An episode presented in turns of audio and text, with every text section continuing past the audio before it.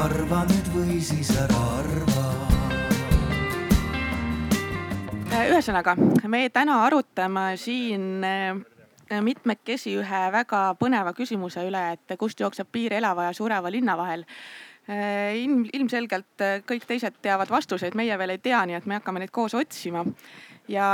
miks me seda arutame, on ka tegelikult väga selline lihtne põhjus, et, et sellest on võimalik viimasel ajal päris palju räägitud.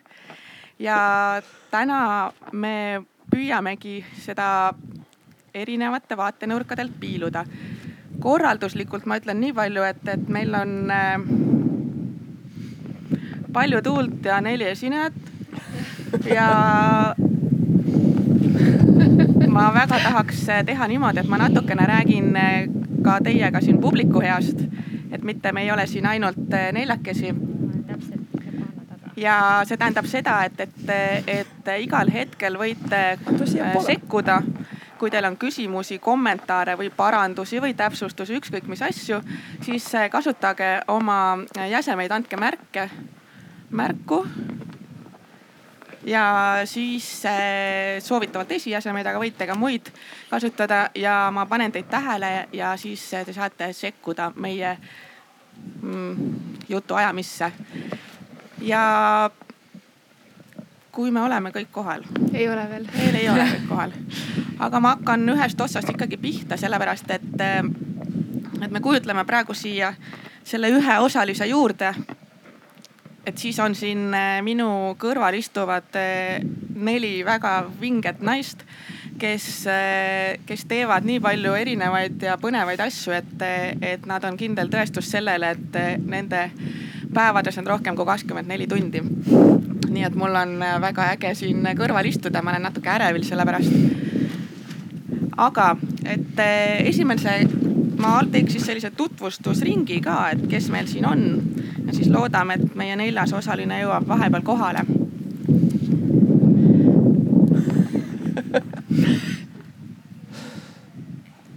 ja kui ma alustan sealt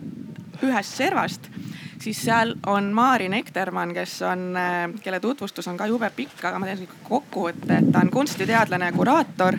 kes tegeleb kaasaegse kunsti korraldamise, vahendamisega erinevates vormides. ja sealhulgas on ta teinud väga palju väga vingeid algatusi. näiteks äh, kaks tuhat kuus ta asutas äh, blogi Artišokk, millest kasvas välja Artišoki biennaal ja viimaste aja tegemistest on hästi põnev kaks tuhat seitseteist alguse saanud selline rändav, rändav tegevus kunstnikud kogudes.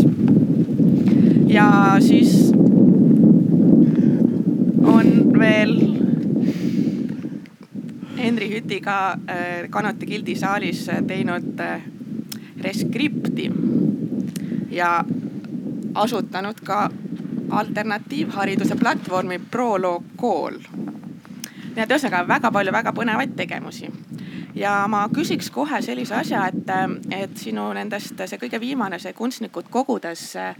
projekt, kus siis olid kümme erinevat väiksemat kohta, kümme erinevat kunstnikku, kes siis nüüd sinna istutati ja nende kultuurieluga seal tegelesid. et kuidas sulle tundus, et kuidas see projekt õnnestus? Tere ka minu poolt, proovin siis ka oma sellist dialoogi selle tuulega siin. Ma arvan, et see ma ütleksin, et õnnestus hästi, sest et tegelikult me oleme seda edasi teinud, et EV saja raames oli kümme äh, projekti üle Eesti, kus me jah viisime kunstnikud väikestesse muuseumitesse, kuna me koos kaaskorraldaja Meerian Talvistuga mõlemad oleme tegelikult nii väikelinnade kui väikemuuseumite suured fännid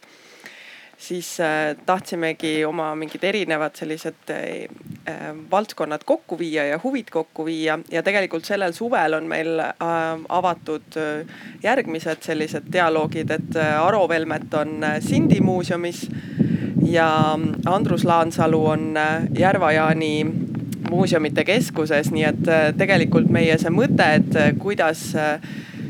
jah, seda valdkondi kokku viia, aga teiselt poolt ka, et kuidas kunstnikke võib-olla võiks üldse laiemalt istutada sellistesse mitte kunsti kontekstidesse. et sellega tahaks tegelikult äh, veelgi laiemaks minna või ka muuseumitest välja, et ma ikkagi unistan sellest, et, et võiks olla kunstnike residentuurid ähm, ministeeriumites, spaades ähm,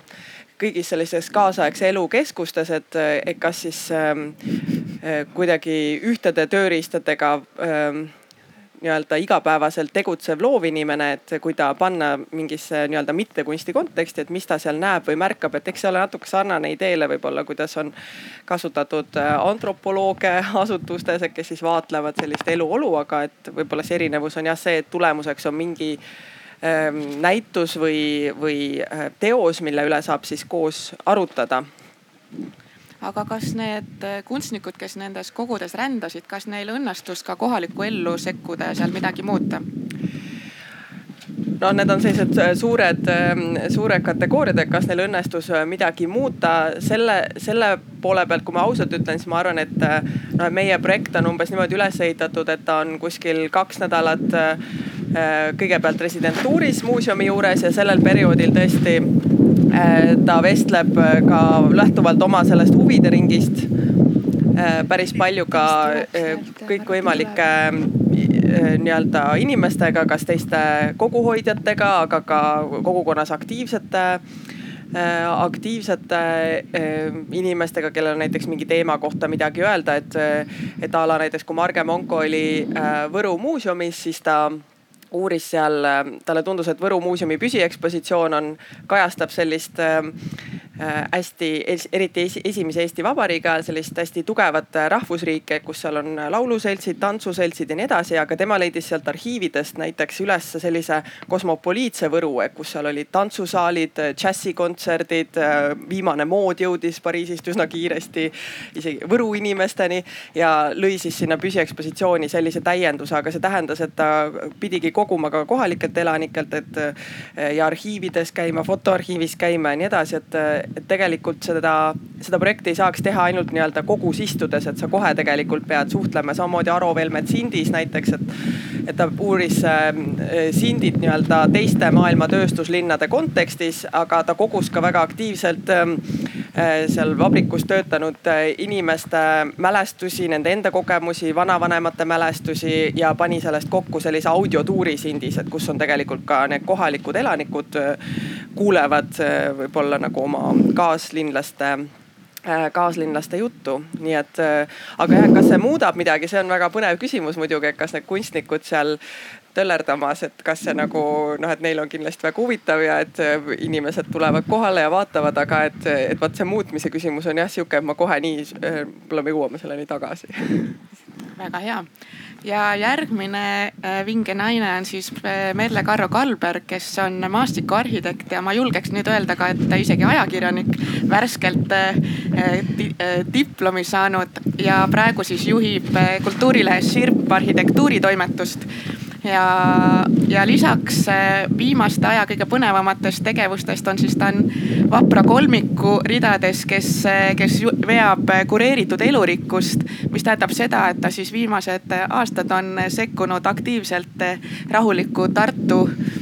roheellu ja hakanud sinna parke, parkidesse külvama igasugu kummalisi taimi ja riputama neile nimesilte külge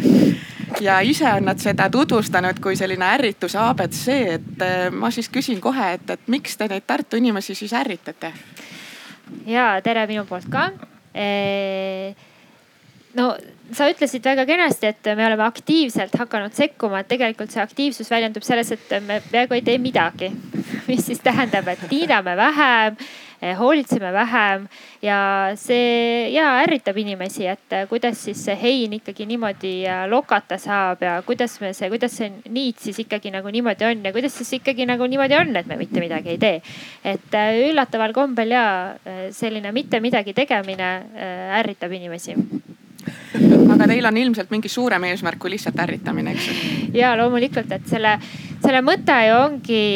eh, selle kureeritud elurikkuse mõte ju natuke ongi see, et toome selle looduse linna tagasi, et vaatame, kuidas inimene ja loodus linnas koos eh, hakkama saab. Et kui me räägime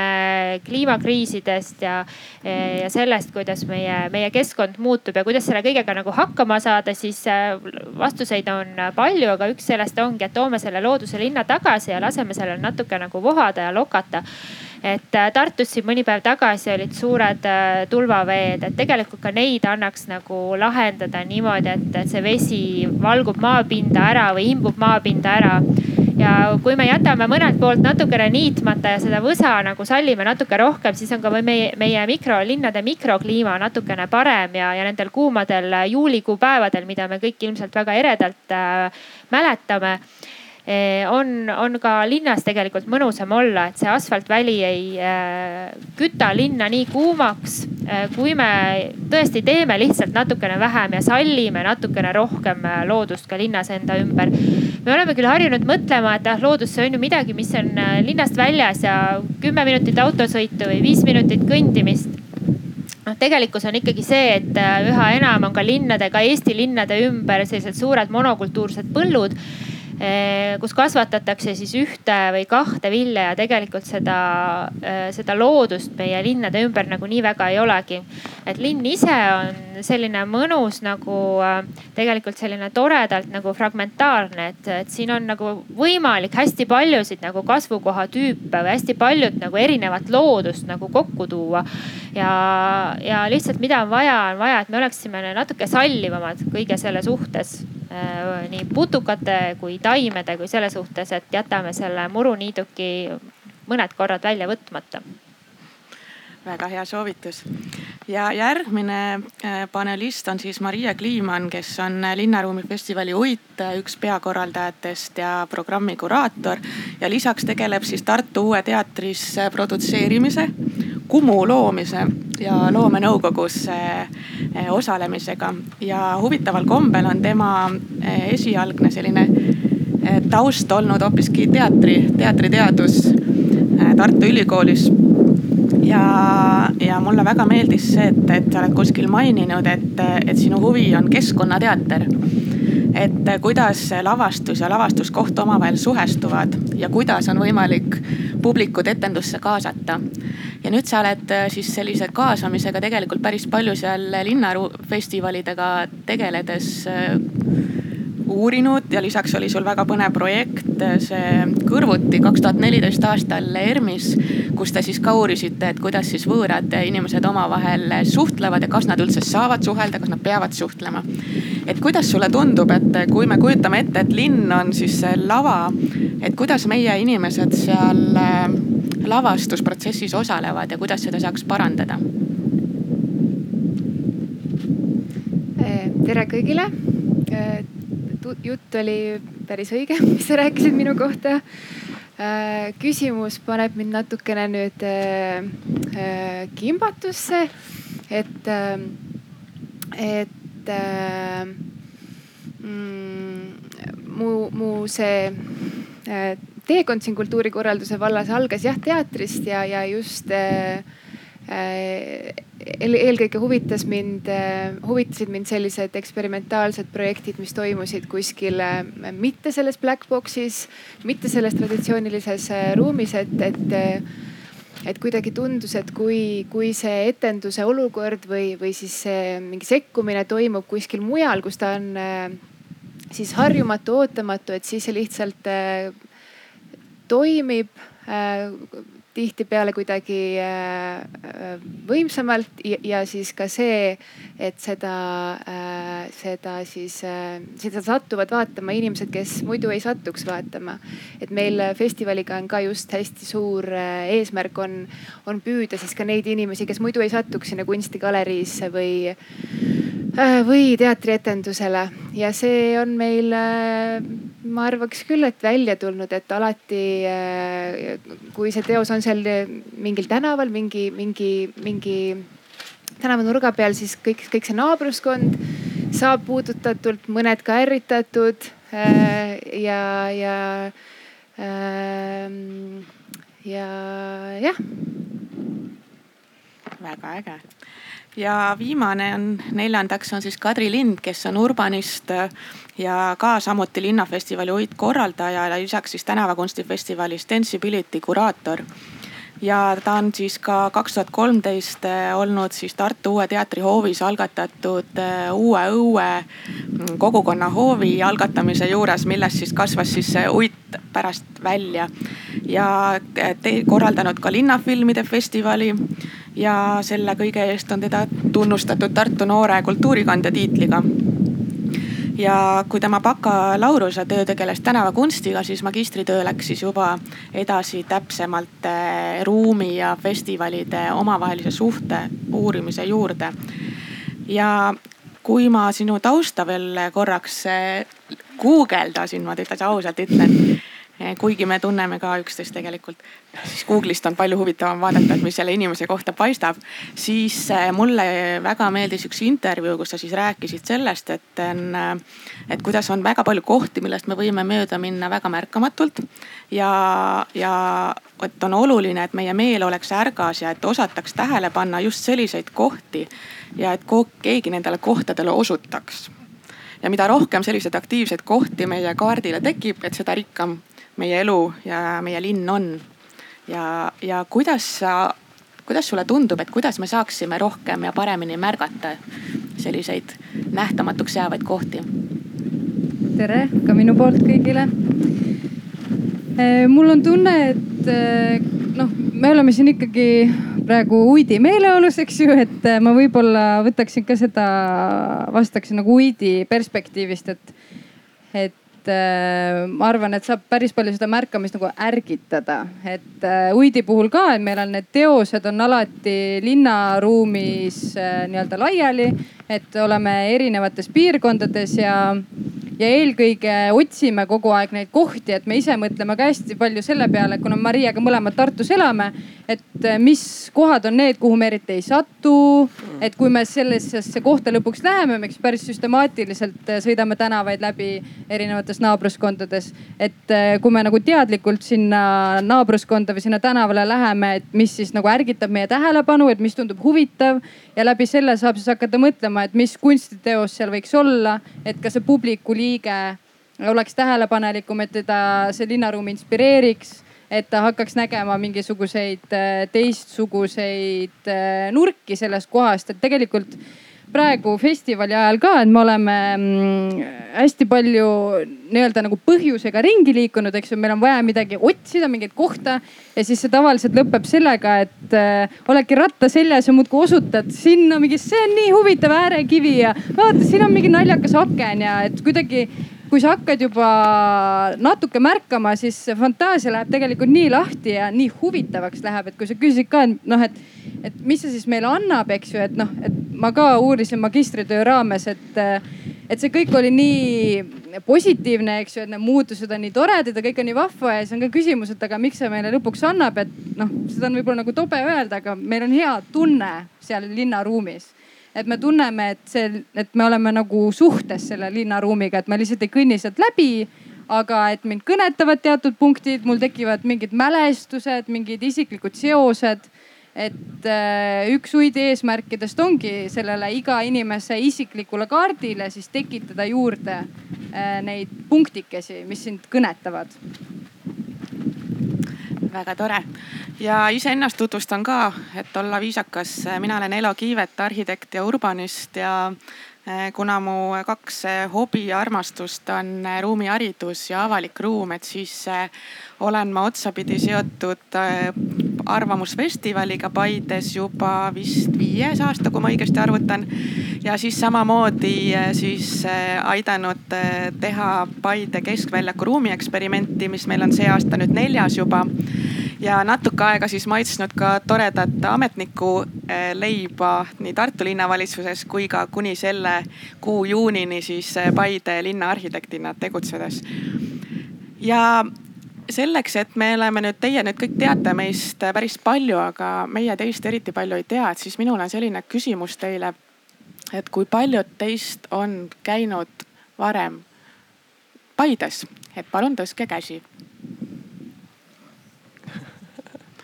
väga äge. kui paljud teist on Paides elanud, ükskõik kui palju?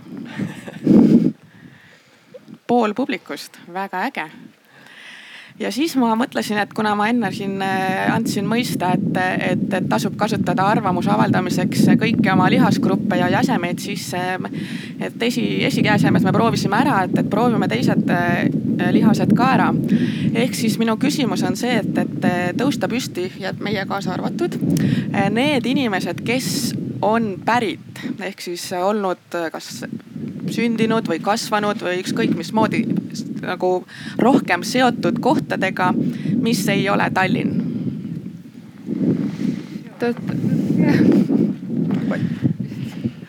ja järgmisena võime proovida, et äh, ei, ärge istuge, ärge istuge, ikka seisame, kasutame lihaseid, kasutame lihaseid. ja järgmisena võivad istuda need, kes on pärit Tartust või Pärnust või Narvast istuda. Need istuvad need. ehk siis mulle, see on selline geograafiline ülesehitus, et need on need Eesti suurimad linnad. ma tänan teid selle harjutuse kaasategemise eest. ja see juhatab sisse meie esimese sellise aruteluploki, mis tegelebki ruumiga geograafiaga. et Eesti on selles mõttes selline eh, huvitav riik, mis ma kardan, ei ole üldse ainulaadne, aga meie eh, oleme kuidagi väga viltu paigutunud sinna põhjarannikule. ehk siis suur osa meie elanikest elab Tallinnas ja selle lähiümbruses. ja ainukene koht, mis Eestis kasvab, ongi Tallinn ja selle lähiümbruses mõned siis vapramad vallad. ja kogu muu Eesti kahaneb erineva tempoga, erineva meelsusega. Tartu on selline, kes siis äh, rabeleb ja saavutab sellise enam-vähem stabiilsuse aga et see see fakt, et meil elab seitsekümmend protsenti rahvastikust elab linnades, lisaks seitsekümmend protsenti rahvastikut elab kortermajades.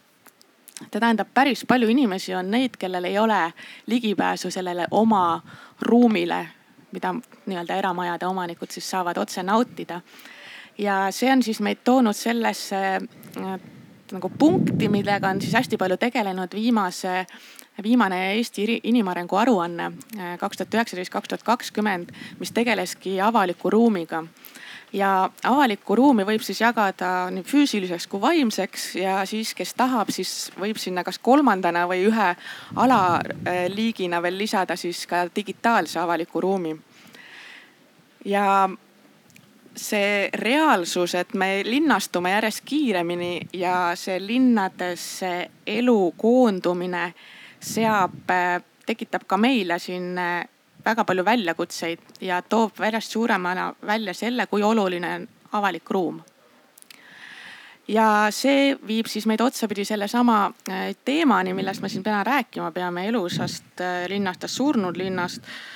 mis on selline väga mustvalge äh, äh, lahterdamine loomulikult ja ma loodan, et me saame siia natukene värve tuua sisse, et elu äkki nii mustvalge ja nii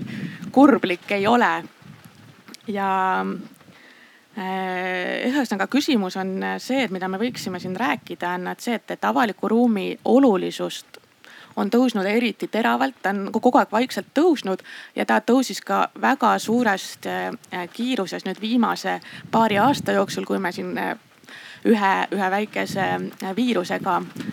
maad jagame ja, ja, ja kõike seda muud.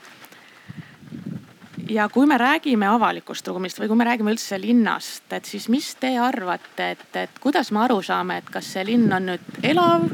või seda elu on seal juba hakkamas liiga väheks jääma või juba täitsa on ära kadunud. alustame sealt Maarinist jälle ja ma mõtlesin tänaste teemade peale ka, et ma hiljuti tegin äh, intervjuu äh, Valga linnaarhitekti Jiri Tinteraga, äh, kes siis ka oma igapäevases töös maadleb üsna aktiivselt siis ühe väga jõudsalt kahaneva väikelinnaga ja just ka sellelt ametniku positsioonilt, et mida on siis äh, võimalik teha. Ja temal olid äh, äh, üks mõte, mis mulle sellest intervjuust meelde jäi, oli see, et, et kui elus, noh, et eks ole, see elus ja surus on ka sihuke gradatsiooniga, eks ole, et sa võid olla üsna palju elus ja siis tunduvalt vähem elus, et tõesti, me peame neid värve sinna lisama kohe aga et mille tema välja tõi, et äh, kuidas aru saada, et linnal läheb hästi või sellisel kahaneval väikelinnal, mis ei ole Tallinn, Tartu ega Narva, on see, kui inimesed on uhked selle linna üle, et ta tõi näiteks, ähm, et ta kuidagi sõnastas või mulle jäi mulje, et, et üks tema ülesanne oma töös on siis püüda läbi hea avaliku ruumi aidata kaasa sellele, et inimesed oleksid uhked oma linna üle. ta võrdles näiteks ähm, Valgat Võruga, mis on suhteliselt sarnaste äh, näitajatega, demograafiliste näitajatega. aga ta ütles, et talle tundub, et võrukad on nagu, et noh, et kui me mõtleme mingisse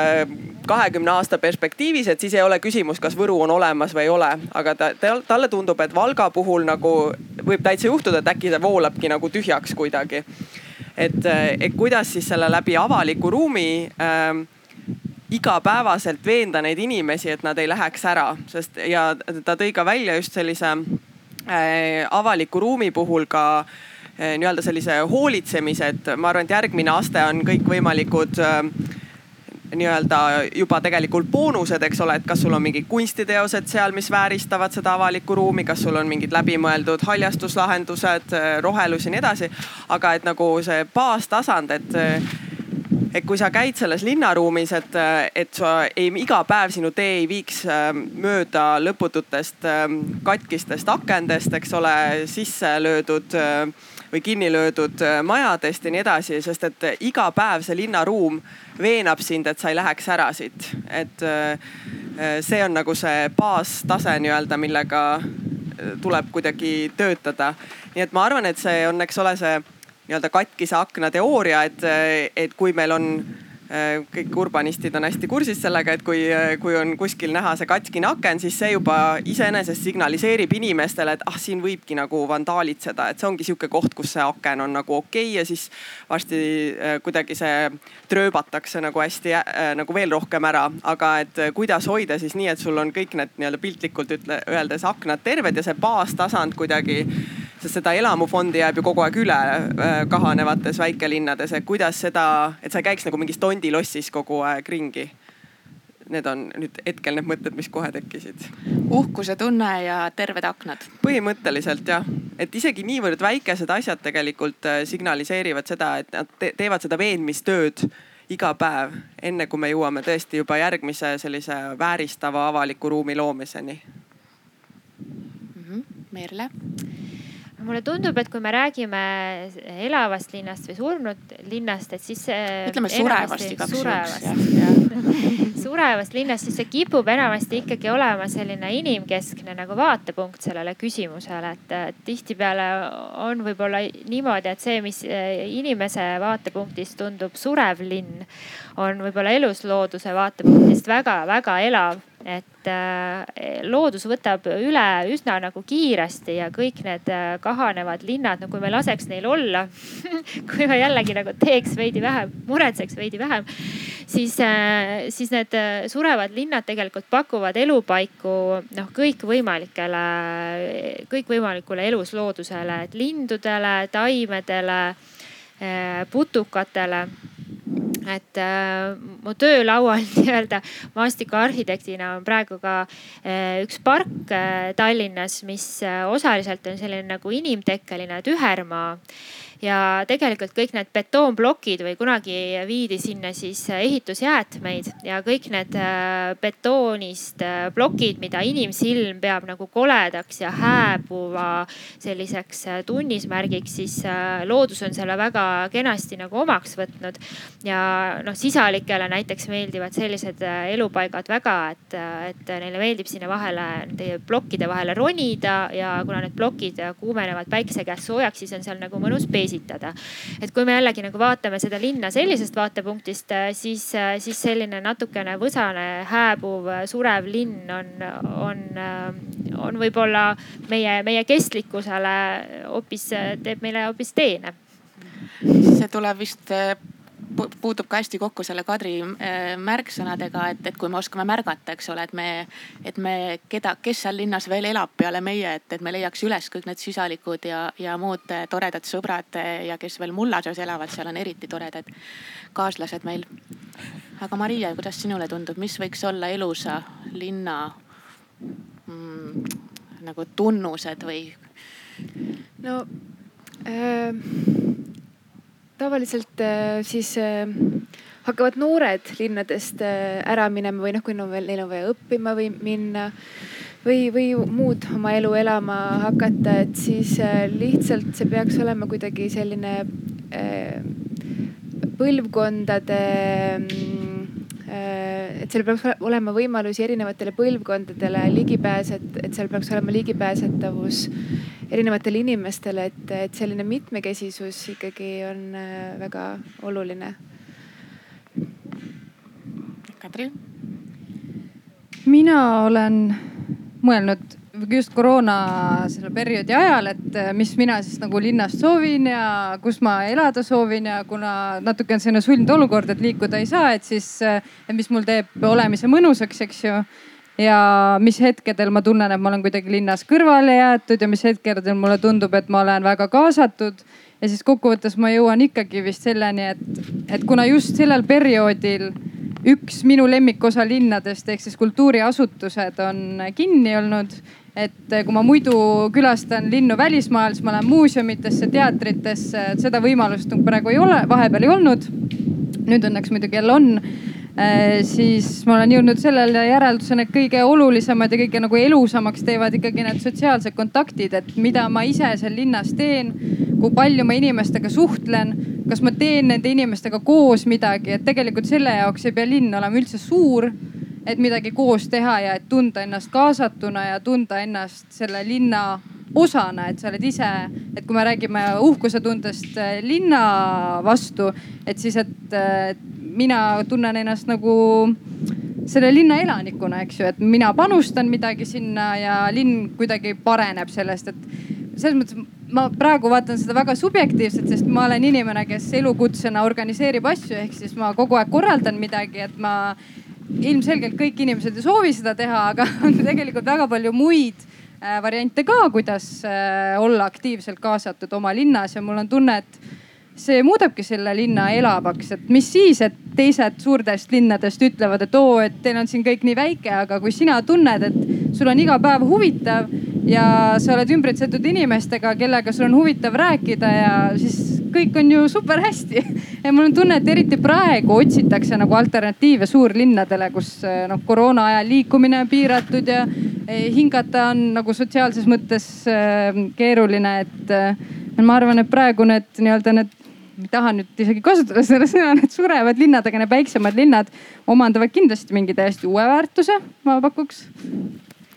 see on äh, ja, see on, äh, kui on uuritud, et mis suurendab suremusriski ja see, mis seda vähendab, siis äh, üllatuslikult ei, ei trooni seal üldse esikohal Äh, alkohol ja, ja haigused ja õnnetused, vaid esikohal on sotsiaalsed suhted. et kui need on, nendega on kehvasti, et siis on ka tervisega kehvasti ja, ja elu, eluiga väheneb, nii et selles mõttes see, see just nimelt see inimestevaheline suhtlus on, on päris hea märksõna. ja ilmselt tähendab ka seda, et, et kui me räägime linnast, siis seal peab olema rohkem kui üks inimene, eks et, siis on, ongi juba palju lõbusam, et üksi võib olla nukker Äh, ja mulle väga meeldis, et Merle kaaperdas kohe ühe mu sellise teemaploki ära, mis ma mõtlesin esineda väga originaalse sellise äh, seisukohaga, et, et, et kellel on üldse õigus öelda, et, et mis on, milline on see elav linn ja milline ei ole. et, et noh, meil on teadlased, kes armastavad mõõta igasuguseid asju. ma olin paar päeva tagasi ühel üritusel, kus öeldi, et kui sa ei saa arvudesse panna asju, siis see on kehv asi ja sa ei saa asjadest aru ja mina ise muidugi arvan täpselt vastupidi, aga, aga, aga noh, neid mõõdikuid, millega siis öeldakse, et see nüüd parem linn ja see on halvem ja see on elavam või see mitte. Neid on palju, aga mis te arvate, et kes tegelikult üldse, kellel on see õigus, et öelda, et sest nii nagu Merle välja tõi, et, et, et see, mis, mis meile on nagu nii-öelda surev, on, on teistele täiesti vaimustav elukeskkond, et me ei sega neid, me ei võta neid midagi ära. et kes seda üldse tohiks öelda, et, et see linn on siin elav või surev. noh, teeme tagurpidi siis ringi noh Kadri mm,. kes võib öelda, vot sealt hakkab ju üldse see küsimus, et tegelikult on ju välja arvutatud, et mis elan, elaniku numbrist alates üldse võib linnaks kutsuda, eks ju. et mul on tunne, et selles tähenduses Tallinn ongi ainuke linn vist Eestis või? Et noh, et on, eks ju, inglise keeles on meil city ja town, et kindlasti Tartu on juba see town kategooriat, et tegelikult Tartu ei olegi nagu city nagu numbrite järgi, et kui vaadata nagu, kuidas kategoriseeritakse. et ähm, mis see küsimus oli? kes, kes võib... ütleb, vot täpselt, et noh, et on inimesed, kes ütlevad, et nende numbrite järgi, ma ei tea, Paidet siis, seal on mingi alamkategooria arvatavasti või town ja arvatavasti päris küla, eks ju, ei ole, aga et äh, mul tunnen nende kategooriate järgi nagu Eestis ei saa midagi väga paika panna. Et, et ikkagi äh, seestpoolt need linnaelanikud ikka ise, ma arvan, määratlevad, et ma ei ole päris kindel, et kellele tuleb kasuks, kui kuskilt mujalt tuleb inimene, ütleb, et teil on nii surev linn et vaesekesed ja kui raske teil siin ikka on, et, et sellist suhtumist ma natuke pelgan, et seda ikka tehakse, kutsutakse ju abimehi ja urbaniste ja elustama linnasid, aga ma arvan, et, et seda teha ja siis on vaja väga palju kohalikega suhelda ja aru saada, et mida kohalik mõtleb, et urbanisti õppeprotsessis ka korrutatakse nagu ka etnoloogidel, et minge rääkige äh, kohalikega, et minge rääkige, oih, tere Keiu kaasetnoloog. et äh, minge rääkige kohalikega, et ei saa nagu ise eeldada, mida inimesed mõtlevad, et võib kõrvalt jääda tunne, et siin ei toimu mitte midagi. Lähed räägid inimesega, inimene ütleb, et ma olen nii õnnelik. siis ju meil ei ole tegelikult võib-olla probleemi mm. -hmm. kas keegi tahab täiendada või vastanduda või? Ma mõtlesin seda, et, et linnadel on ju ka vilistlased nii-öelda, et kes on elanud seal mingil hetkel, aga on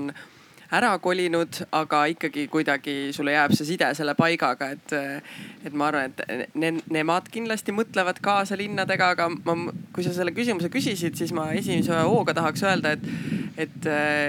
sihukeseid küsimusi peakski nagu palju olema, et see on niivõrd selline teravalt püstitatud, et see tõmbaks vestluse käima kohe, et ma arvan, et just seesama, millele ka sina viitasid, see kaasamise aspekt, et tegelikult äh, ärge mõelge kontoris välja asju ja, järjest ju rohkem äh, kõik need valdkonnad, mis kujundavad linnu, ähm, kõik need erialad äh,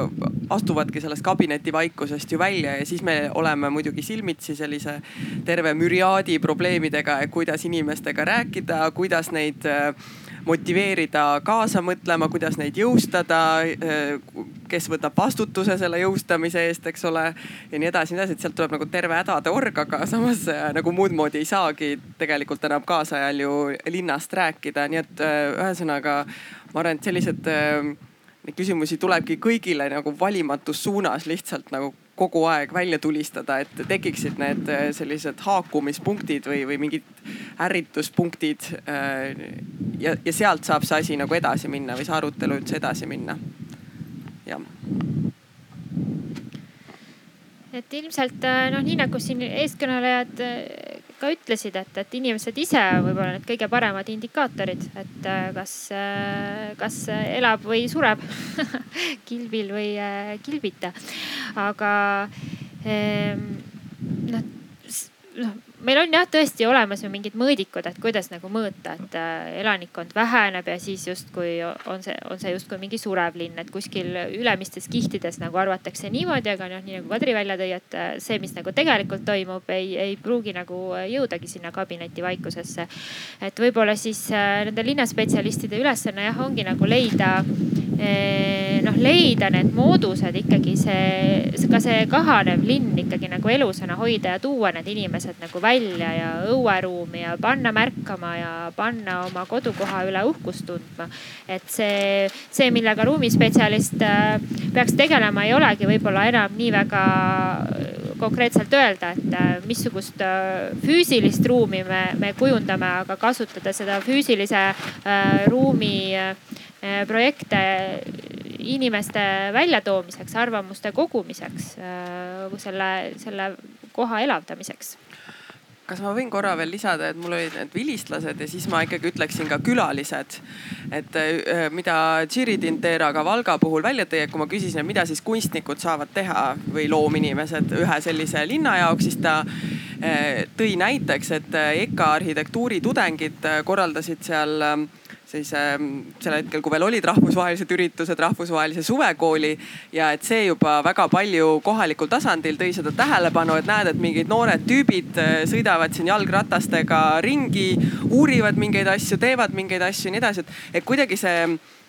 võib-olla ma tulen tagasi selle oma veenmise punkti juurde, et ka see veenab tegelikult inimesi, kui nad näevad, et, et tulevad inimesed, kes vaimustuvad sellest kohast, oskavad võib-olla mingi teise silmaringiga öelda, et kuule, sul on siin nii ägedad asjad ja, ja sealt läheb ka see dialoog käima ja siis eh, kohalikud saavad edasi näidata, et aga tegelikult mul on siin veel see asi või see äärekivi, eks ole, või see aken või midagi sellist, et, et vahel on vaja ikkagi minu meelest nendes väiksemates linnades selline eh, regulaarne perevahetus ka tekitada, et tänapäeval on, ongi kas festivalid, eks ole, ma vaatan väikseid linnu, et et äh, Paidel on siin käesolev üritus, mina ise olen Haapsalust äh, vilistlasena ka jälgin nagu selle käekäiku, et vaatan ka, kuidas on äh, ikkagi suudetud, et noh, suvel on kena, turistid kõik voorivad läbi, aga et siis talveks on tekitatud endale mitmeid festivale, mis siis ka proovivad seda kuidagi elus hoida. et ja kõikvõimalikud residentuuriprogrammid, et näiteks Tartus mina äh, kogu aeg loen, et mingi linnakirjanik siin ja seal, eks ole, jälle mõtleb, vaatab ja nii edasi. et kuidagi ka selline väike sihuke külaliste vood äh, kuidagi ka käima panna, et need minu meelest äh, võimaldavad jälle seda vestlust äh, algatada ja, ja võib-olla jah, küsida igasuguseid, mis me oleme ka selle kunstniku kogudes projekti juures märganud, et, et äh, meie fookus on olnud küll, kuidas siis need kohalikud väikemuuseumid jutustavad neid piirkonna ajalugu ja, ja inimeste lugusid ja nii edasi, et aga et jällegi, kui kunstnik küsib, et aga mis see teil siin on, et, et kuidagi pööratakse tähelepanu täiesti üllatavatele aspektidele, nii et ma lisaksin ka need külaliste äh, voolud edasi-tagasi värsked pilgud. värsked pilgud ja, ja, ja ikkagi ka selline väike hõõrdumine, et ma arvan, et kogu see just, et siin juba on see ärritavuse märksõna nagu sellises positiivses mõttes mitu korda läbi käinud, aga et noh, et kõik ei pea olema väga selline meeldiv ja viisakas alati, et natukene sellist väikest särtsu ikkagi kuluks ka ära, et, et ja võib-olla külalistel ja, ja vilistlastel näiteks on lihtsam seda teha tihtipeale kui eh, võib-olla kohalikel endal, et sa saadki selle lolli küsimusega nagu nii-öelda välja küsida, et, et noh, näiteks ma ei tea, Haapsalus võeti praegu peatänava ääres puud maha, et noh, et kas see nüüd siis päris nagu oli nüüd kõige õigem teha, kuigi seda ka kohalikud juba aktiivselt äh, hoiavad üleval teemana, nii et. Maria, kuidas sulle tundub, kes on see otsustaja, kes, kellel on õigus öelda? No ikka linnaelanikud, mul ei ole, mul ei ole siin muud vastust, äh, aga, aga et see on ikkagi nii subjektiivne asi ka, et äh, osadel elanikel ei olegi nagu väga muud vaja peale selle igapäevase toimetamise, et nad, äh, mõned inimesed ei, ei nagu vajagi rohkemat, aga jah, just see, see, mm, et see elavus nagu välja paistaks ka, et siis need teised inimesed, kes, kes siis toimetavad väljapoole, et siis need tekitavad selle mm. Nii tore, et te olete kõik ühel meelel, et seespool inimesed on targemad, siis ma toon välja ühe äh, toreda uuringu, mille nimi on väikeasulate uuring kaks tuhat üheksateist koostatud rahandusministeeriumi juhtimisel koos Tallinna Ülikooli Hendrikson ja Koog planeerijatega kes siis kaardistasid ära, et, et mis asustused meil siin Eestis on ja mis seal on hädad ja mis ei ole. see on päris huvitav lugemine. ja sealhulgas ka soovitatakse, et mida siis teha nende raskustega võitlemiseks, aga statistikat lihtsalt selle illustreerimiseks, et numbrid on väga olulised ja põnevad et siis, kui Eestis on neli tuhat seitsesada asustatud üksust, asulat, siis enamik nendest on väikeasulad ja enamik tähendab üheksakümmend kaheksa protsenti sellepärast, et kümne tuhande elanikuga linn on Eestis, äh, andmed on küll kaks tuhat seitseteist aastal, neid on kolmteist. ja kuni kümne tuhande elanikuga kaks tuhat viissada kuni kümme tuhat, neid on kakskümmend üheksa. Ja tegelikult siis äh, kuni tuhande elanikuga sada kuni tuhat, nende, neid on seitseteist protsenti kogu äh, asustusest ja, ja tervelt üheksateist protsenti on need, kus elab siis viiskümmend kuni sada inimest. ja, ja veel vähem, veel rohkem on siis ka neid, kes on, kus on vähem kui kakskümmend elanikku ehk siis need asulused, asulad on väga äärmiselt erinevad. ja siis see uuring muidugi siis metodoloogiliselt siis uuris neid ja, ja pani ka diagnoosid väga julgelt ära, et, et millistel, millised on siis elujõulised asulad ja millised ei ole. ja, ja siis need, kuna ta keskendus just väikeasulatele, mis ma arvan, meil võikski olla see nagu fookus, et, et ärme räägi Tallinnast, et see on jube igav teema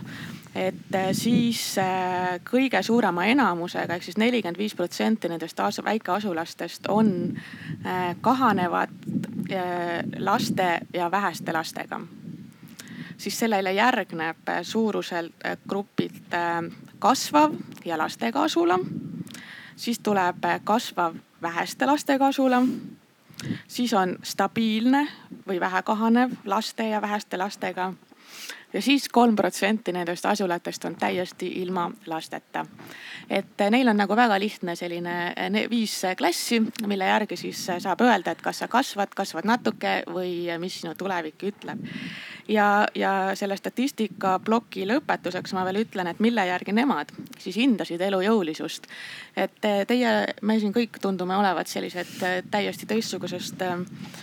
taustsüsteemist või, või kuidas ma ütlen, väärtussüsteemist, sellepärast et, et nemad ütlevad, et kõige esimene on siis rahvastiku sotsiaalmajanduslik olukord, mida iseloomustab keskmine brutotulu, töötajate osakaal ja kõrg, kõrghariduse osatähtsus siis ettevõtlused, kui palju on mikro- ja väikeettevõtteid, keskmisi ja suuri ettevõtteid. siis on elamud, et kui palju on korterelamuid, kui palju on uusi eluruume. Äh, siis on tööränne, et kui palju siis elavad, äh, elavad ja töötavad erinevates kohtades, see on ju ka järjest suurenev äh, trend ja, ja see tekitab jälle selle küsimuse, et kellest, kuhu me need inimesed paigutame, millisesse asulasse, kas sinna, kus ta elab või seal, kus ta töötab ja siis tõmbekohad ehk siis milleks siis plusse saavad siis kihelkonnakeskus, millegipärast õigeusu kogudus, mitte muu kogudus Äh, kolhoosi või sovhoosi keskus ja siis kas siis vallakeskus enne haldusreformi või pärast haldusreformi. Äh, ja mina lisaksin siia tegelikult veel ühe huvitava äh, sellise mõõdiku, millega mõõdab üks väga väike koht Tartu lähistel ehk siis Kuremaa seda, et kui elujõulised nad on, on see, et vabatahtliku töö indeks, ehk nad mõõdavad seda, kui palju inimesed tulevad kaasa. noh, see kõige lihtsam on seda, et teeme ärakampaaniad või ükskõik mis muud. ja mulle see mõõdik juba meeldib natuke rohkem ja see tuleb ka selle teie eh, nende märksõnadega ka eh, natukene, et ei ole enam nii külm number, et me ei vaata statistikaameti brutopalga numbreid, vaid me vaatame, et kes siis tulevad külaplatsile ja kes ei tule. et, et selline nii palju siis sellest elujõulisusest aga kui me juba räägime äh, inimestest, siis äh, ruumi kõrval ma arvan, et inimesed on need et kui me ruumi järgi saaksime otsustada, et kas see on elus või mitte, siis see asi oleks võib-olla lihtsam, aga me ilmselt vajame ikkagi inimesi ka ja, ja see Paide kolm tuhat, millest siin äh, enne kõigepealt sissejuhatuses juttu räägiti, siis mulle kohutavalt meeldib selle teatri äh, algatuse juures küsimuse püstetus ehk kuidas anda ühele kujutlusvõime kaotunud kogukonnale tagasi võime unistada ja minu jaoks tundub see, see kujutlusvõime kriis olevat üks kõige suuremaid kriise meie ühiskonnas nii elanike kui, kui juhtimistasandil. et kuidas teile tundub, et kas see on, kas me saaksime seda kujutlusvõimet kuidagi ergastada või me, kas me peame sellega üldse tegelema? Maria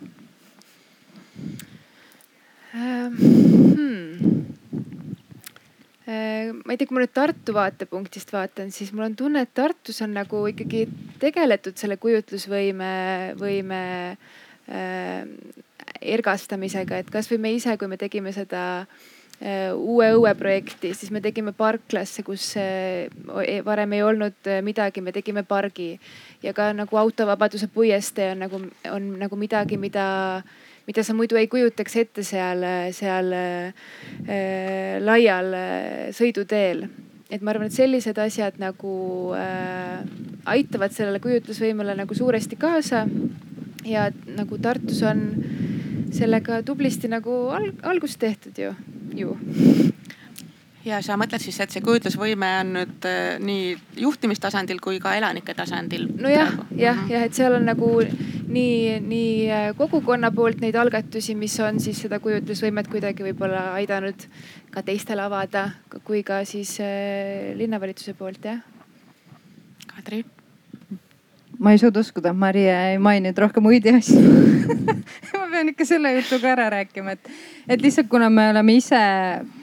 küsinud äh, tagasisidet ka publikult või tähendab, ma tegin oma magistritöö, uurisin meie publikut ja vabatahtlikke. ja siis, äh, ja siis tuli välja see, et üks meie enda vabatahtlik ütles hästi toredalt, et uitil on nagu sellised, äh, et uit annab nagu sulle mingid sellised prillid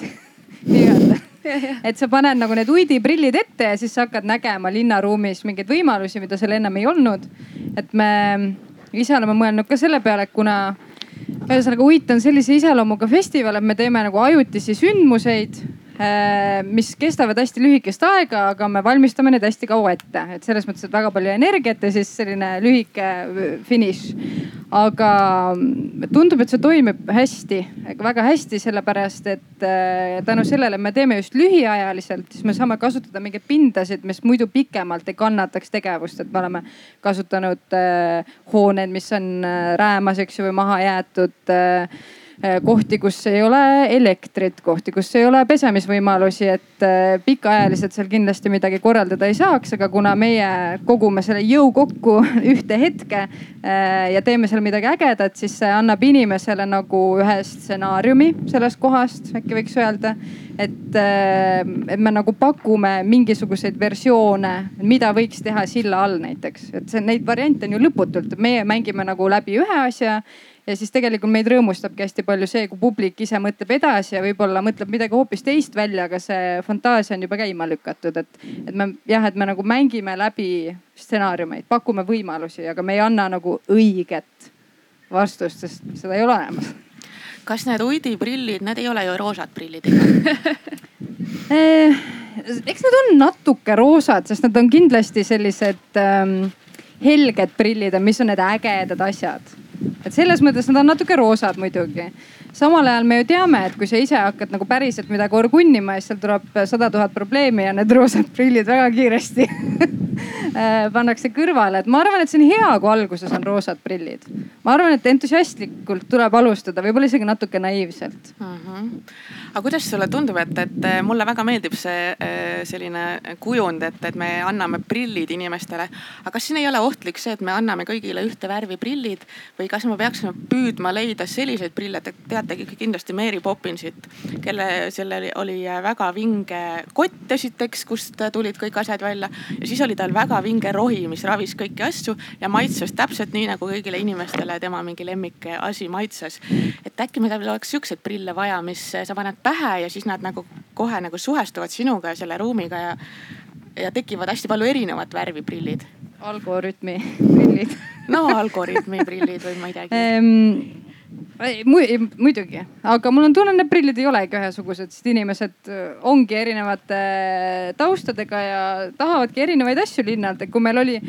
kaks tuhat üheksateist aastal see putka projekt, eks ju, et siis me otsisime linna pealt erinevaid väikeseid majakesi, putkasid ja meil olid kunstnikud, kes siis mõtlesid sinna välja funktsiooni, eks ju, mingi teose. Aga lõpuks tuli välja, et igal linna elanikul oli enda mõte, mis ta oleks tahtnud seal näha. et selles mõttes ma arvan, et see vaade on ikkagi mitmekesine, et kuidas Merle, sulle tundub, kuidas on meil kujutlusvõimega seisud? ja muidugi võiks ju olla rohkem, et elu oleks palju ilusam ja selliseid tabeleid ilmselt oleks nagu vähem. Äh, kui, kui me kujutaksime rohkem ette ja paneksime vähem asju äh, Exceli tabelisse. Äh, aga ma lihtsalt äh, selle, neid vastuseid kuulates mõtlesin selle peale, et ma ju olen ka maastikuarhitektina nagu olnud selles rollis, et ma pean nagu inimestelt nagu teada saama, mis nad nagu tahavad. ja, ja ka selle kureeritud elurikkuse raames äh, me küsisime lastelt, et mida nad pargis äh, teha tahaksid ja me muidugi lootsime saada palju põnevaid ideid. aga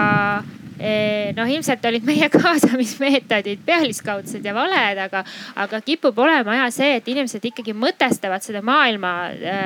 sellest tulenevalt, mida nad näinud on. ja seetõttu ikkagi pakutakse noh, et me tahaksime kuskil pargis või, või linnaruumis ikkagi tahetakse näha asju, mida on juba kuskil nähtud või mida on juba kuskil kogetud ja, ja niimoodi tegelikult ka lastega ja seetõttu mulle tundub, et me peaksime noh, peaks linnaruum olemagi just nagu selline fantaasiarikkam ja pakkuma nagu neid erinevaid võimalusi, et näha, mida üldse ruumis teha saab, et seal ei pea olema ainult äh, roosipeenar ja pink, aga seal võib olla, olla ka eh, ma ei tea, kõõlumiskohad või, eh, või ja ronimiskohad ja need kõik ei pea võib-olla alati vastama standarditele. aga kuidas seda saavutada, mulle tundub, et siin on ikkagi võtmekoht see, et see, kes linna juhib, et linna juhtkond peaks olema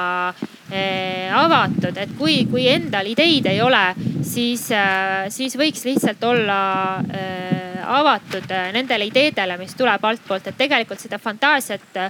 ja tahet on nagu väga lihtne nii-öelda summutada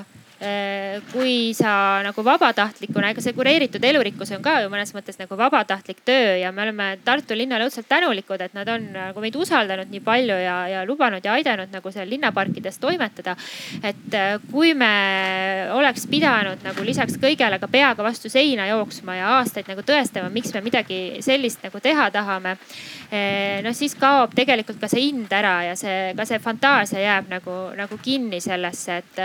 et eelkõige peaks olema nagu sellist avatust ja arusaamist, et kui, kui mul endal ideid ei ole, et siis äh, mitte materdada või, või noh, lubada neid võib-olla mitte konventsioon,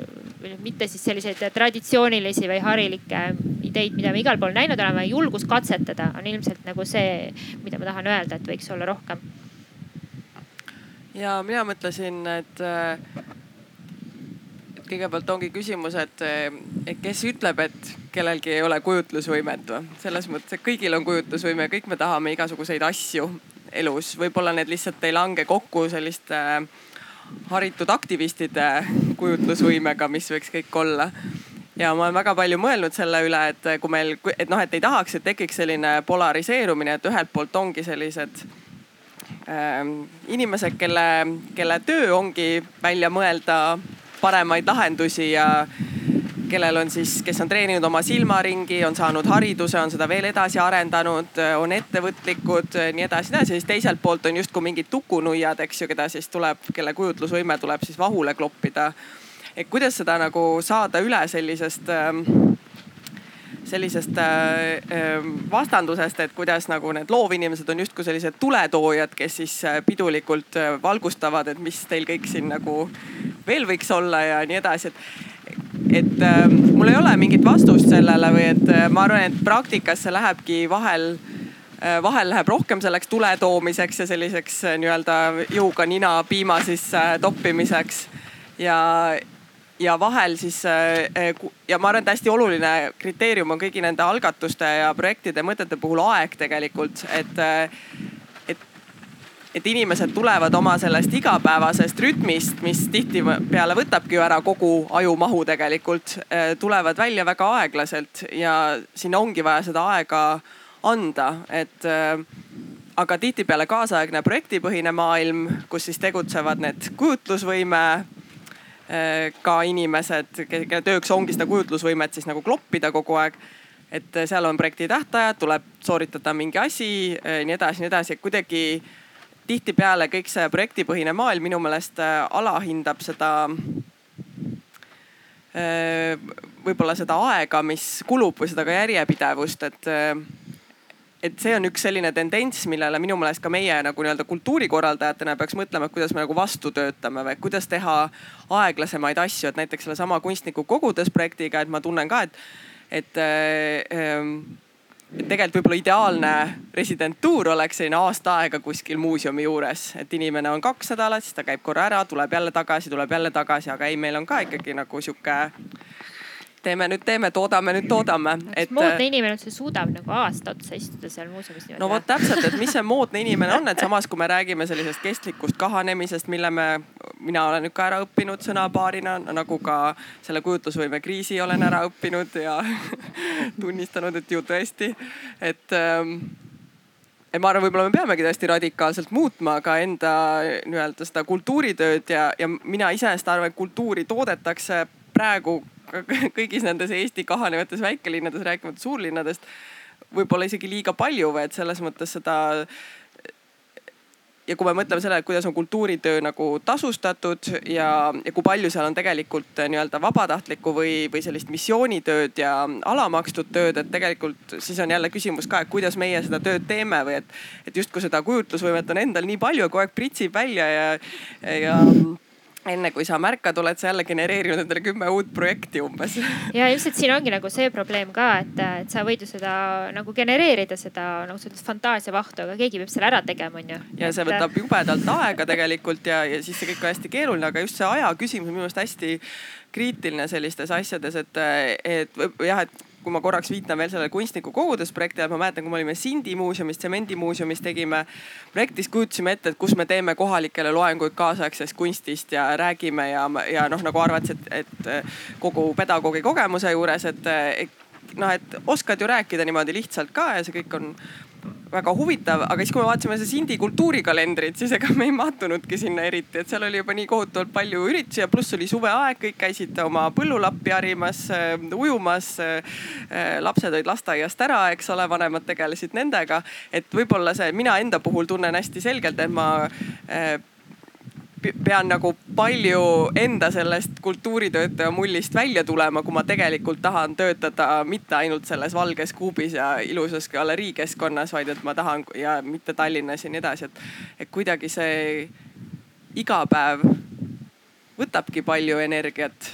ja kõik tulebki, tulebki kõik ära hallata ju, kõik kogu elu tuleb ära hallata ja see on kohutavalt, ma ei tea, mul tunne, mul läheb pool ajuenergiat selle peale, mida iga päev süüa teha näiteks. et inimeste elud on täis. kaasaegsest kunstist, eks ju, sinna kõrvale. jah, ega ei mahu, endal ka tead alati ei mahu, eks ju aga see on väga hea kõrvalpilk tõesti, et me kipume siin olema rivis kõik natuke ühesugused, et äh, üsna heal arvamusel oma professionaalsest kujutlusvõimest ja võimest seda siis igale poole eksportida ja siis selle seeläbi maailma parandada aga seejuures jah, kipub ununema see, noh, on lihtne unustada seda, millest me tegelikult alguses räägime, et need kohalikud elanikud ise, mida nemad tahavad, mida nad viitsivad teha, mida nad ei taha ja mis, mismoodi. et see tuletab mulle meelde alati ähm, kahte asja. Äh, ükskord rääkis üks äh, kooliõpetaja sellest, kuidas ta on natukene tüdinud sellest, et meil on noored kooliprogramm ja siis selle osalejad on sellised, neil läheb nagu rind kummi ja nad on sellised tõelised noh, need tuletoojad nagu ja nemad lähevad kooli, võtavad selle tohutu suure eh, töö ja teevad selle ära ja siis samal kõrval on õpetajad, kes on õppinud õpetajaks, teinud seda tööd X aastat. noh, nemad on siuksed ilma kujutlusvõimeta inimesed, aga tuleb see noor ja see ja ma ei olnud selle peale kunagi mõelnud ja samamoodi eh, ehmatas mind ükskord Narvas ühel üritusel, kus me ka siis kohalikega arutasime, et kas seal, kas seal võiks korraldada mingeid asju, siis üks kohalik lõpuks ütles, et ma ei viitsi teid kuulata. Te kogu aeg tulete siia siis tahate midagi teha ja siis lähete jälle minema. ja, ja Narva on just täpselt selles mõttes, ma arvan, ma saan tema tüdimusest väga aru, sest eh, näiteks arhitektuuritudengitele meeldib väga võtta selliseid projekte ja siis nad tulevad niimoodi entusiastlikud noored ja, ja siis ütlevad kohalikele, et mis neil on valesti valesti ja mis peab tegema õigesti. ütlevad selle ära, vormistavad sellesse mingisugustes planšettides ja siis sõidavad minema. ja siis tuleb järgmine laar ja uuesti ja uuesti ja siis see kohalik elanik mõtleb, miks te siin käite ja meid õpetate, et noh, nagu tehke siis midagi paremini kuskil et see värske enesekriitilisus on, ma arvan, mõistlik isegi kujutlusvõimega inimestel. ma võib-olla toon ühe näite korraks siia lõppu, et, et oli selline Äh, kunstikeskus nagu Mooste kunsti- ja sotsiaalpraktikate keskus, et Mooste on siis äh, Põlva lähedal, seal on umbes vist viissada püsielanikku ja siis sinna loodi kaks tuhat üks selline rahvusvaheline residentuur ja ka selline üsna eksperimentaalsele kaasaegsele kunstile suunatud kunstikeskus, mis tegutses seal kuni eelmise aastani tegelikult üsna pikalt. ja seal oli ka ikkagi kogukond ja kaasamine ja siis äh, vist ma tegin nendega ühe intervjuu kuskil, kus nad olid seal juba üle kümne aasta julgelt tegutsenud, et noh, et mis muutuseid te siis kogukonnas nagu täheldate ja üks asi, mida nad välja tõid, oli see, et, et kaks ähm, seda külakauplust on hakanud võtma rohkem müüki värsket puuvilja, sest et kõik need kujutlusvõimega inimesed, kes sealt, ma ei tea, Singapurist ja Argentiinast sinna kohale residenteerisid, nemad tahavad ikka värsket puuvilja, see üks asi. siis teine asi, mis mulle silma torkas, oli seal ka see, et ähm, et äh, tõesti kõik äh, kohalikud elanikud, see on, eks ole, Moostes on ka kõik need Eesti lähiajaloo kihid ilusti olemas, et on selline nunnu mõisasüda, siis on need kolhoosi paneelelamud, lagunevad laudad, ähm, siis on see eramajade ilusad aiad ja floksid õitsevad ja nii edasi, kõik need kihid on nagu olemas. et oih, vabandust, et ähm, et kõik need inimesed, kes vähegi jaksasid nende, ma ei tea, peaaegu kahekümne aasta jooksul nende äh, tuuritavate inimestega suhelda, kõik olid ja kes oskasid inglise keelt mingilgi määral, said nagu risti-põiki läbi küsitletud nende, nende mälestuste kohta. aga mis seal minu meelest kõige paremini lõpuks äh, töötas äh, ja kohalikud käisid tegelikult nendel suvefestivalidel väga korralikult ja kohusetundlikult kohal ja kuulasid neid eksperimentaalseid helikunstikontserte seal ja, ja see oli kõik äh, nagu töötas. aga mis töötas minu arust kõige paremini oli, mille milleni nad jõudsid üsna lõpus, oli toiduklubi, kus siis seal oli sihuke aktiivsete naiste klubi Äh, kes oskasid süüa teha, tahtsid uusi retsepte katsetada ja siis vot oligi need residendid, kes sinna tulid, et tegidki selliseid koos kokkamisi ja siis sellist koos söömist ja selline hästi lihtne asi tegelikult, äh, mis ma arvan, võib-olla nad ise isegi ei tooks seda esile kui mingi äh, edukas meie projekt umbes, aga seal sai täpselt, et sa, sul on esiteks asi, mida sa nagu koos teed.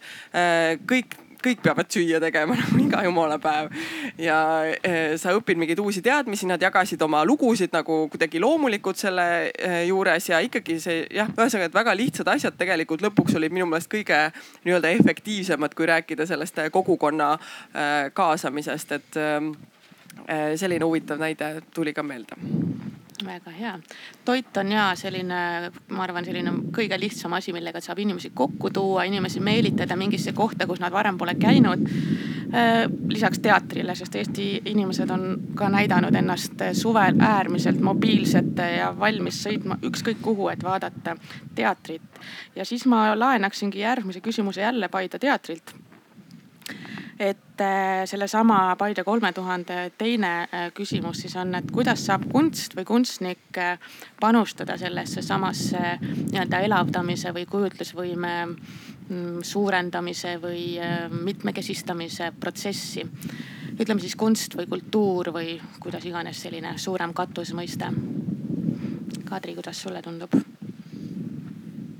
Mm, mina olen terve selle vestluse nüüd jah mõelnud selle peale, et kui palju me teame, et äh, kui palju need kohalikud siis käivad nendel sündmustel, mis me nii hullult ägedalt teeme, eks ju, igal pool väikelinnades, et. ja ma olen kuulnud varem siit Narva kohta samu jutte, et kohalikud väga ei käigi, võib-olla erinevatel põhjustel. Ja kindlasti seesama probleem on mujal ka, ma ei tea, kelle jaoks see nüüd probleem on, see on küsimus, kas on probleem või ei ole, eks ju et kas info liigub, kas nad üldse teavad ja seal on nii palju erinevaid asju, eks ju, et kas nad nagu meelega ei tule või nad ei teagi, et see on, et ähm, ma selliseid üldistusi ei taha teha, aga aga meie lihtsalt oleme Marie ja Uidi tiimiga proovinud siis neid sündmuseid teha niimoodi, et me nagu ei oota, et see publik tuleb nagu külla meile, eh, vaid me nagu läheme siis nende juurde. Ja me oleme proovinud sellist taktikat, et me teemegi selle kunstiteose siis mingisse kohta eh, kus on erinevad kohalikud ja siis elu on näidanud, et nad täitsa tunnevad huvi ja on entusiastlikud ja mis nad on, tõid meil kunstnikule tomateid, sületäie ja kuidagi nagu hoolitsevad nende eest ja neile nagu meeldib see idee, et midagi toimub nende kodutänava lähedal. et äh, põhjus, miks me üldse hakkasime niimoodi neid sündmusi korraldama, oligi selles, et me käisime ise hästi palju kultuurisündmustel Tartus just ja vaatasime, et iga kord on publik täpselt sama. et sa lähed teatrisse, seal on needsamad näod, sa lähed äh, muuseumisse või galerii näituse avamisele, seal on needsamad näod ja siis me mõtlesimegi, et aga kus need teised on, kas nad tahaksid nagu ka siin olla, et miks nad siin ei ole. et proovime siis anda võimalust, et läheme neile nagu lähemale ja siis vaatame, mis saab ja tegelikult on olnud väga toredaid vestlusi inimestega, kes tõesti ei saa aru, mis toimub ja nad tulevad ütlema, mis asi see on. siis meie seletame vaikselt, et noh, et meil on selline kaasaegse kunsti selline festival ja kaasaegne kunst, mis asjad need kõik on, millest te räägite, eks ju. ja siis niimoodi vaikselt seletad ja lõpuks mõlemad osapooled naeravad ja on üksteist tundma õppinud ja,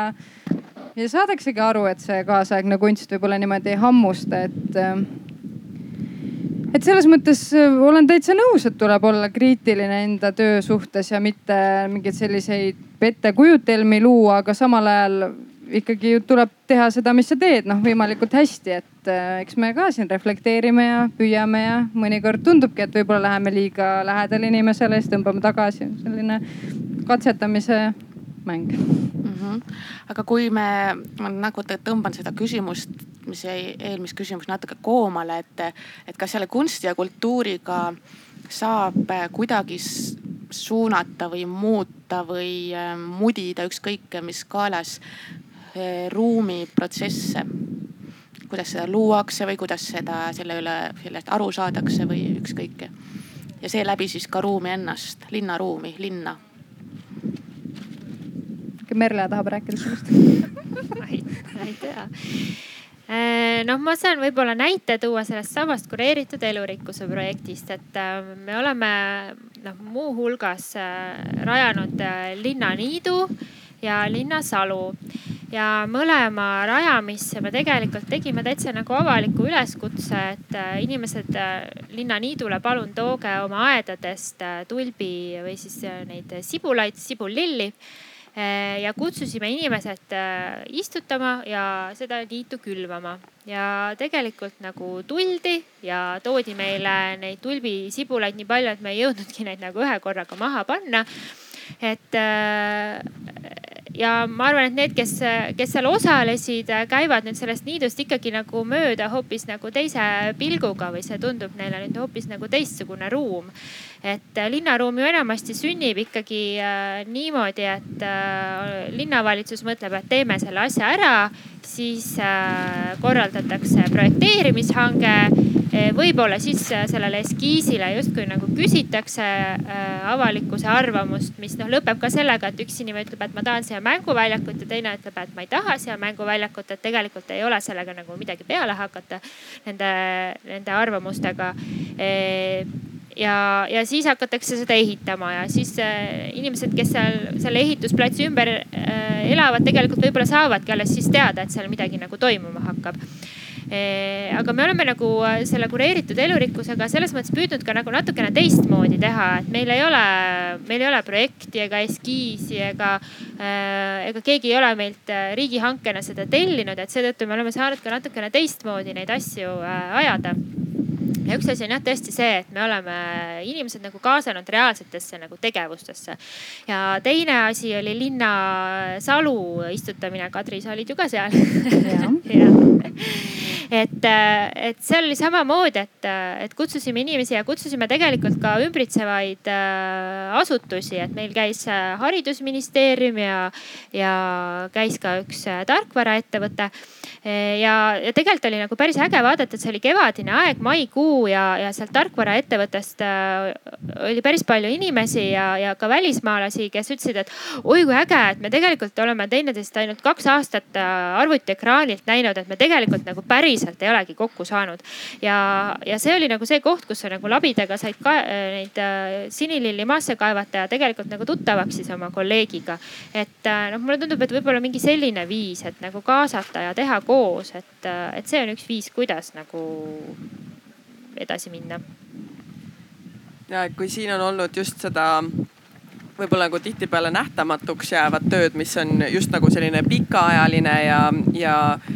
ehitab neid suhteid läbi tegevuste, siis mina tooksin välja ikkagi, minu meelest võiks olla linnades rohkem ikkagi nagu asju ka nagu teoseid ka ikkagi, et äh, võib-olla siis sellise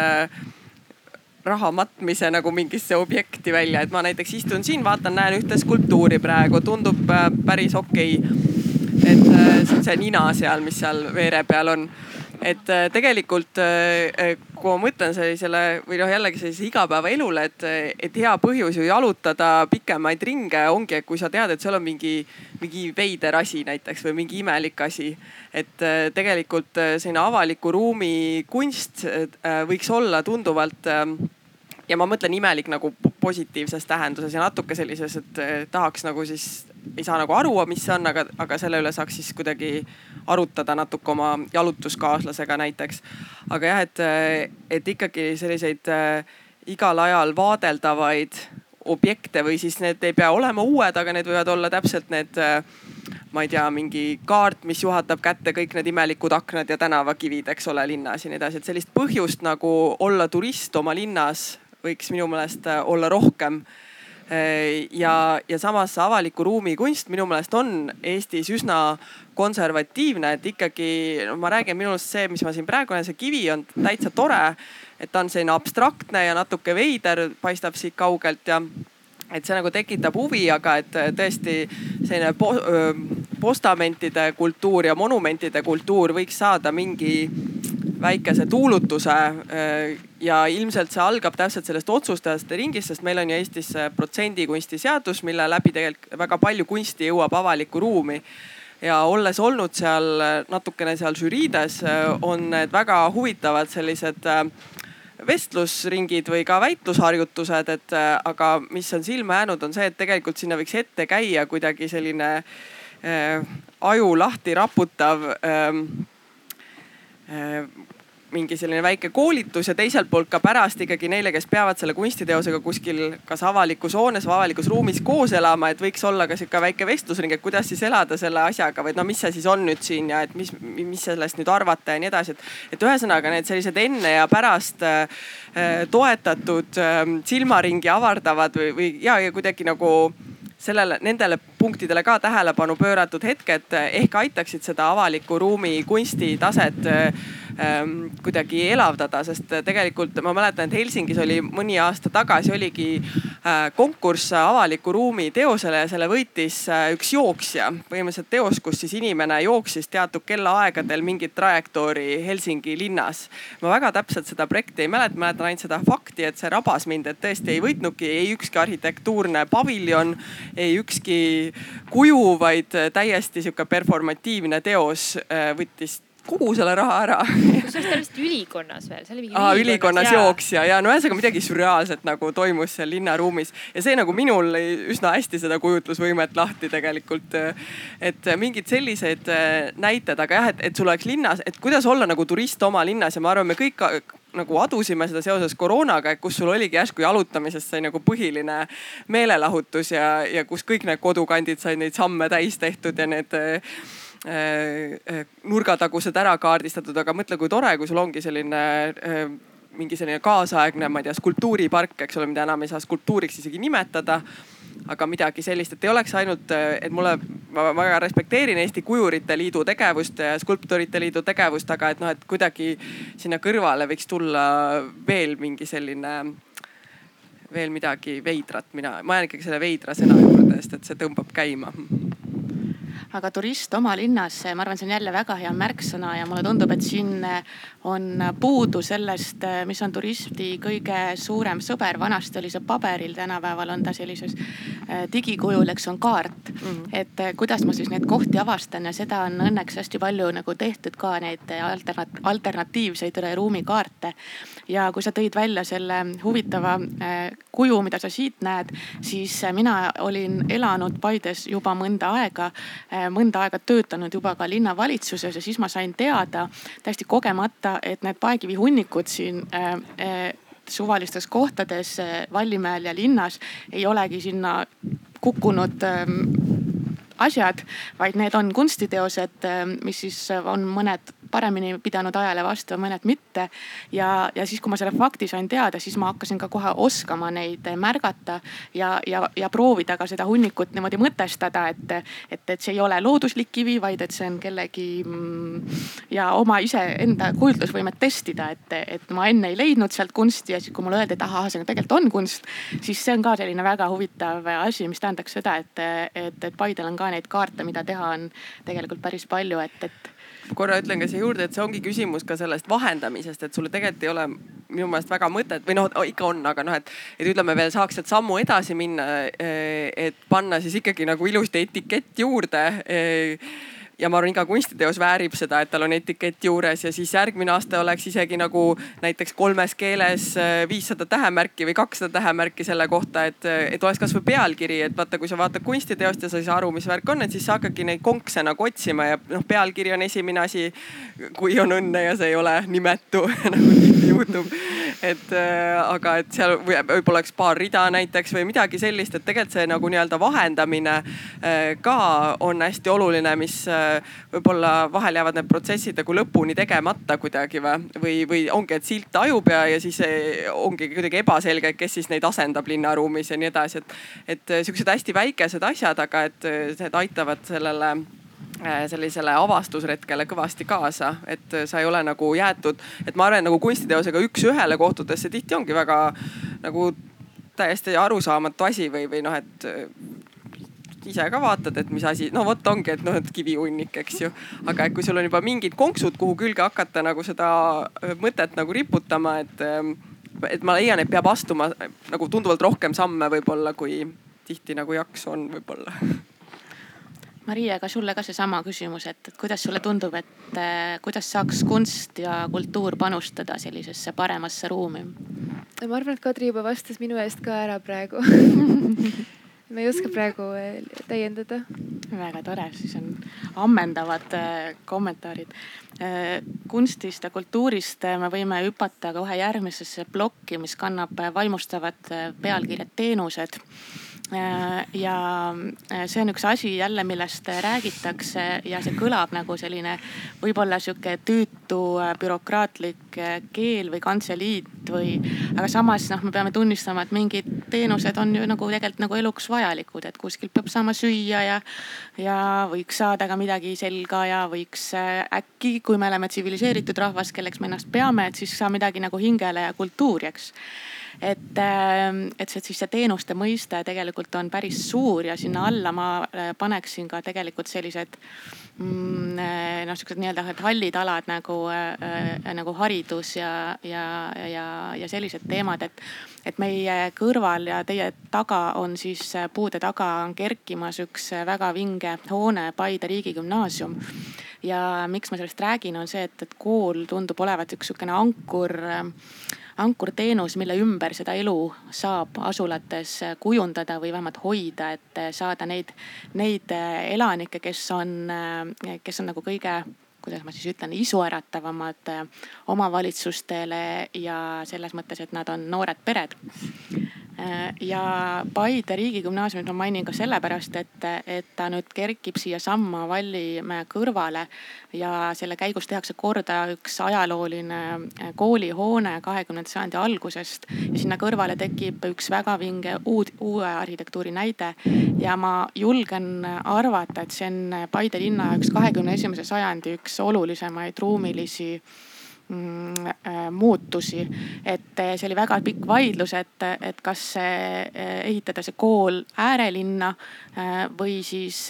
natukene kulutada rohkem aega ja kulutada rohkem mõttetööd, et kuidas ta mahutada ära siia kesklinna ja see jällegi on noh, selles mõttes hästi märgiline, et see kool tuleb keskusesse ja see elu tuleb siia keskusesse juurde, et mis on kõigi asulate teine probleem on ju ka see, selle va va vananemise ja kahanemise kõrval on see, et, et elu kipub äh, minema äärtesse, kus on siis mingid ostukeskused või ma ei tea, autoparandused või mis iganes põnevad ja vajalikud äh, teenused. Et äh, kuidas teile tundub, et mis võiks olla need ma ka meelega kasutan seda koledat sõna jätkuvalt, need teenused, aga mõelge hästi laialt, et eh, mis, mis aitaksid seda eh, linna elusana hoida. Kadri, kas sa tahad alustada? mina hakkasin ka automaatselt ikkagi toidu peale mõtlema praegu, et eh, minu meelest toit on ka hästi tore viis, kuidas tervitada inimesi väl-, välismaalt immigrante, äh, kuidas linn on rohkem avatud erinevatele kultuuridele, et kuidas võimaldada teistest kultuuriruumidest Eestisse äh, tulnutel ja kes tahavad toitlustusvaldkonnas töötada, et ja kuidas nendega tutvuda, kuidas nende kultuuriga tutvuda. minul tekkisid toidumõtted, et kui ma praegu mõtlen Tartu peale ja nende teenuste peale, sa mainisid kaubanduskeskusi, et see Tartu on nii imelik, siis meil on seal keskel on need kõikvõimalikud äh, kaubanduskeskused on see Tasku ja Kvartal ja Tartu Kaubamaja ja. ja seal ei ole, ma ei saaks öelda, et jah, et seal nagu väga mõnus oleks, et äh, no pigem ma olen tänulik, et ongi tekkinud nüüd sinna kõrvale on mingid väiksed toiduputkasid, et kus ma saan midagi haarata võib-olla. ma hakkasin, ma ei tea, võib-olla mul kõht tühi, ma hakkasin toidu peale mõtlema nii toit äkki keegi oskab mingi koht, kus saaks süüa, võiks olla. no just teiste kultuuride sööki nautida. Maria, oskad sa äkki siin täiendada? no näiteks kui mõ- mõelda noorte peale on ju, siis võiks olla neile igasuguseid äh, tegevusi, et neid kuidagi ära ei unustada, et ikka on vaja rulatada ja igasuguseid selliseid äh, asju teha. mis teenuseid veel? Ma ei tea, mulle tundub, et võib-olla siin ei peaks, ei saa, ei peaks, ei saaks välja tuua nagu ühte, et nii palju, nii erinevad, kui me mitut. oleme, on ju, et, et äh, et kõigil peaks, hea linn on minu arust see, mis pakub kõigile oma elanikele midagi ja kui me mõtleme, et, et inimesed on väga erinevad, siis peaks ka need teenused olema tegelikult nagu, neid peaks olema palju ja need peaks olema väga erinevad. et äh, nii nagu Maria ütles, et äh, noored tahavad rulatada, lapsed tahavad olla mänguväljakul, vanemad inimesed tahavad võib-olla käia kuskil äh, istuda kuskil rahulikult äh, metsaserval noored emad tahavad, et äh, lapsevankriga saaks äh, tänaval liigelda, et oleks see te teenus tagatud. ja siis muidugi üks, rääkides teenustest, on, on ka ökosüsteemi teenused ka väljend, mis mulle absoluutselt ei meeldi, aga kui me nende teenuste juures juba oleme et noh, ongi välja mõeldud siis mõiste ökosüsteemi teenus, mis justkui siis poliitikutele paneb Exceli tabelisse või annab siis nagu mingid võrdlevad arvud, et mida näiteks annab meile see puu või, või park või tänavahaljastus, et kui palju ta nagu pakub siis ikkagi inimese vaatest, et kui palju ta pakub nagu inimesele kui palju pakub inimesele park võib-olla rohkem seda, kui pakuks see maja, mis oleks nagu tema asemel, et millest inimene jääb ilma, kui pargi asemel äh, oleks parkla. ja, ja on pandud need nii-öelda ökosüsteemi teenused, mida emake maa justkui siis meile osutab, saab panna Exceli tabelisse ja öelda, et näed, inimkond kaotaks palju rohkem äh, sellest pargi kaota-, pargi kaotamisest ja võidaks oluliselt vähem, kui selle siia asemele tuleks äh, parkla et äh, aga mu pika jutu mõte on lihtsalt see, et mulle tundub, et neid teenuseid, oluline on, et neid teenuseid oleks palju ja et need oleks erinevad, et kõik tegelikult nagu leiaks endale midagi, et, et siin sellist ühte välja tuua on väga raske no selle, see ökosüsteemi teenus oli jah, selline teenuse alaliik, mis on veel eriti õudust tekitav. et, et me peame kleepima külge hinnasildid igale puule ja rohuliblele, et siis me saame selle väärtusest, eks ole, aru, et muidu ei saa. aga kui sa ütled, et võiks olema hästi palju teenuseid, siis ähm, selle kohta saaks kohe öelda, et kus me neid palju võtame, kui inimesi on vähe. Kes neid teenuseid teeb? ma ei tea, kas see, see ei ole nii, et need teenused nagu natuke ka tekivad ise, kui on nagu vajadus. Et ma ei tea, lihtsalt kui me mõtleme noh näiteks mingi linnapargi või ma ei tea, Tühermaa peale, mis on ka üks minu nagu lemmikteema, siis me tegelikult näeme, kui palju inimestel just sedasama nagu fantaasiat äh, ruumi kasutada on, et äh, üks Tühermaa äh, võimaldab väga palju igasuguseid tegevusi, mida linnapark võib-olla ei võimalda, et sa ei saa minna autoga päikest võtma, nii et sa noh lööd auto ukse lahti ja võtad päikest või trussikute väel vaarika põõsasse või, või terve perega grillima, et, et äh, mulle tundub, et äh, kui on nagu see vajadus, siis see teenus ka nii-öelda tekib, et alati ei peagi keegi neid ju pakkuma. mina mõtlesin natuke igasugustele nii-öelda kohaliku rahasüsteemidele, millega on äh, mina tean mingeid näiteid USA väikelinnadest, on katsetatud sellise nagu vautšeri süsteemiga, et, et on näiteks selline vautšeri süsteem, kus sa ostad aega, et ongi vist Itaka hours, et on, ma ei tea, pool tundi, tund, kaks tundi ja nii edasi, et. ja siis on sellised, üks teine USA väikelinn, mille nime ma hetkel ei suuda meenutada, aga just selle Covidi pandeemia raames näiteks linnavalitsus eraldas mingi reservi igale elanikule, kelle kuu sissetulek jäi siis alla mingit piiri. Ja seda raha ta võis siis kasutada vautšeri süsteemi alusel ainult nagu kohalikes, kohalikke teenuseid ja nii-öelda Ehm, teenuse vahendajaid siis äh, külastades ja hiljem siis ta andis selle vautšeri sinna näiteks ähm, nurgapoodi ja siis pärast see poepidaja sai linnalt siis selle raha kuidagi tagasi, et ühesõnaga ka nagu äh, õhutada inimesi just äh, toetama oma naabrit, kes küpsetab seda pirukat, kes pakub siin seda joogakoolitust ja nii edasi, et, et võib-olla kuidagi mingid sellised süsteemid ka, et noh, tegelikult väikelinnades need ju töötavad mõnes mõttes, võib-olla ei pea seda ka üle, üle mõtlema või üle reguleerima, et sa ikka tead ju, kellel see muruniiduk oli, et sa saad minna küsima. aga võib-olla ehm, see oleks jälle asi, millega tõmmata tähelepanu just sellisele kohalikule väiketeenuse pakkujale või siis äh, õhutada kuidagi ka sellist äh, vorst vorsti vastu, eks ole, hästi tuntud väljend. sellist, äh, sellist majandust või sellist nagu mikromajandust ja võib-olla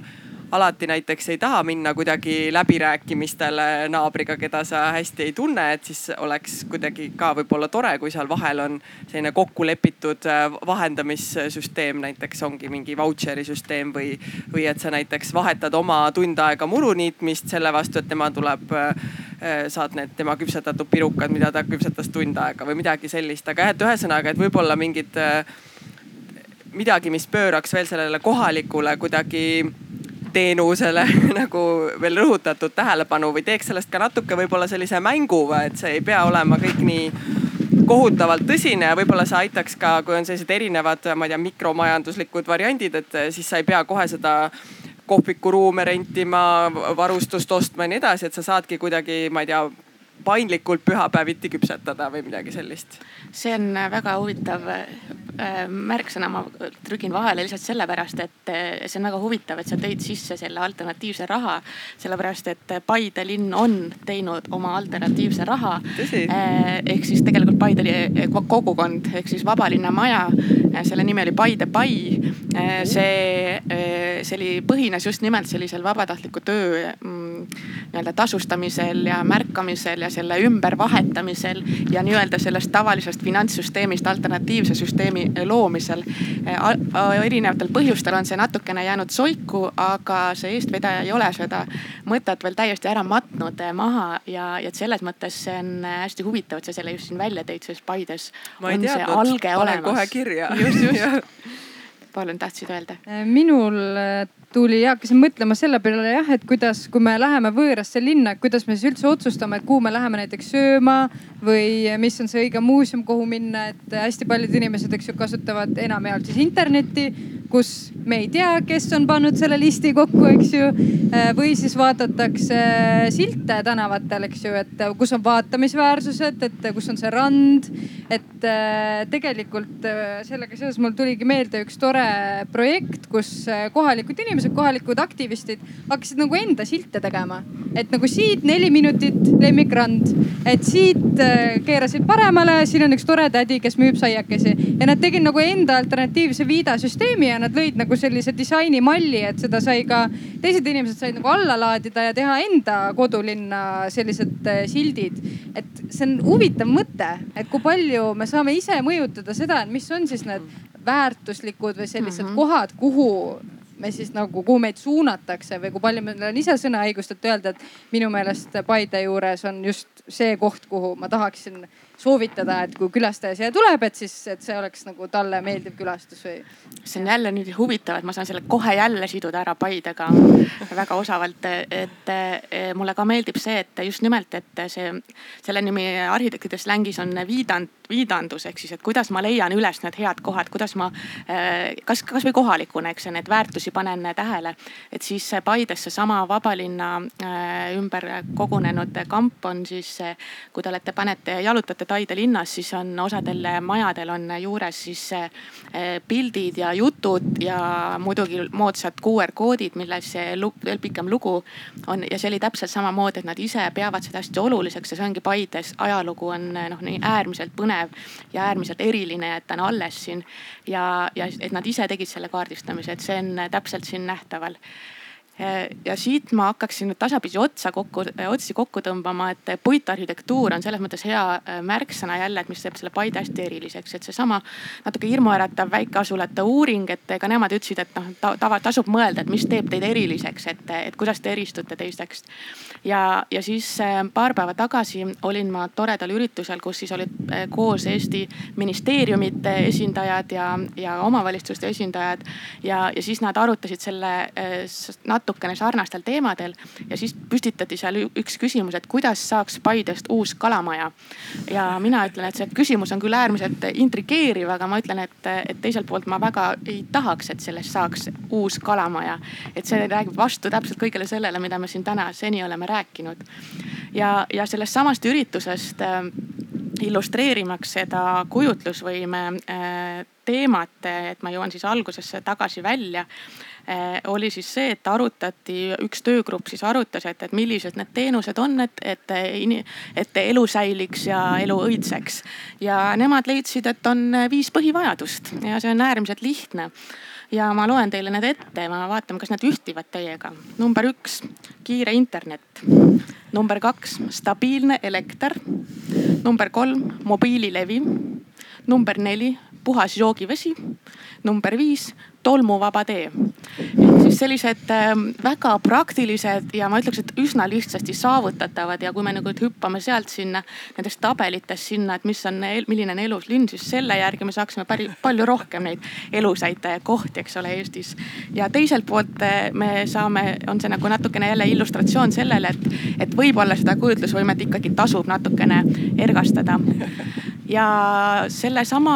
mõttega ma siis lõpetaksin ja ma loodan, et te kõik võtsite kaasa paar huvitavat märksõna ja panete tähele iseenda kodus rohkem, mis ümberringi toimub ja kui te lähete kuskile mujale, siis panete tähele. ja võib-olla testite enda kujutlusvõimet, et nagu Maarin ütles, et, et kõigil on see tegelikult olemas, see on ilmselt erinev. ja, ja selle läbi me ei peaks seda maailma nii mustvalgelt vaatama et ma arvan, et seda elu on ikkagi kõvasti rohkem, kui statistika meile ütleb. nii et aitäh teile kõigile kuulamast ja aitäh osalemast. selge see.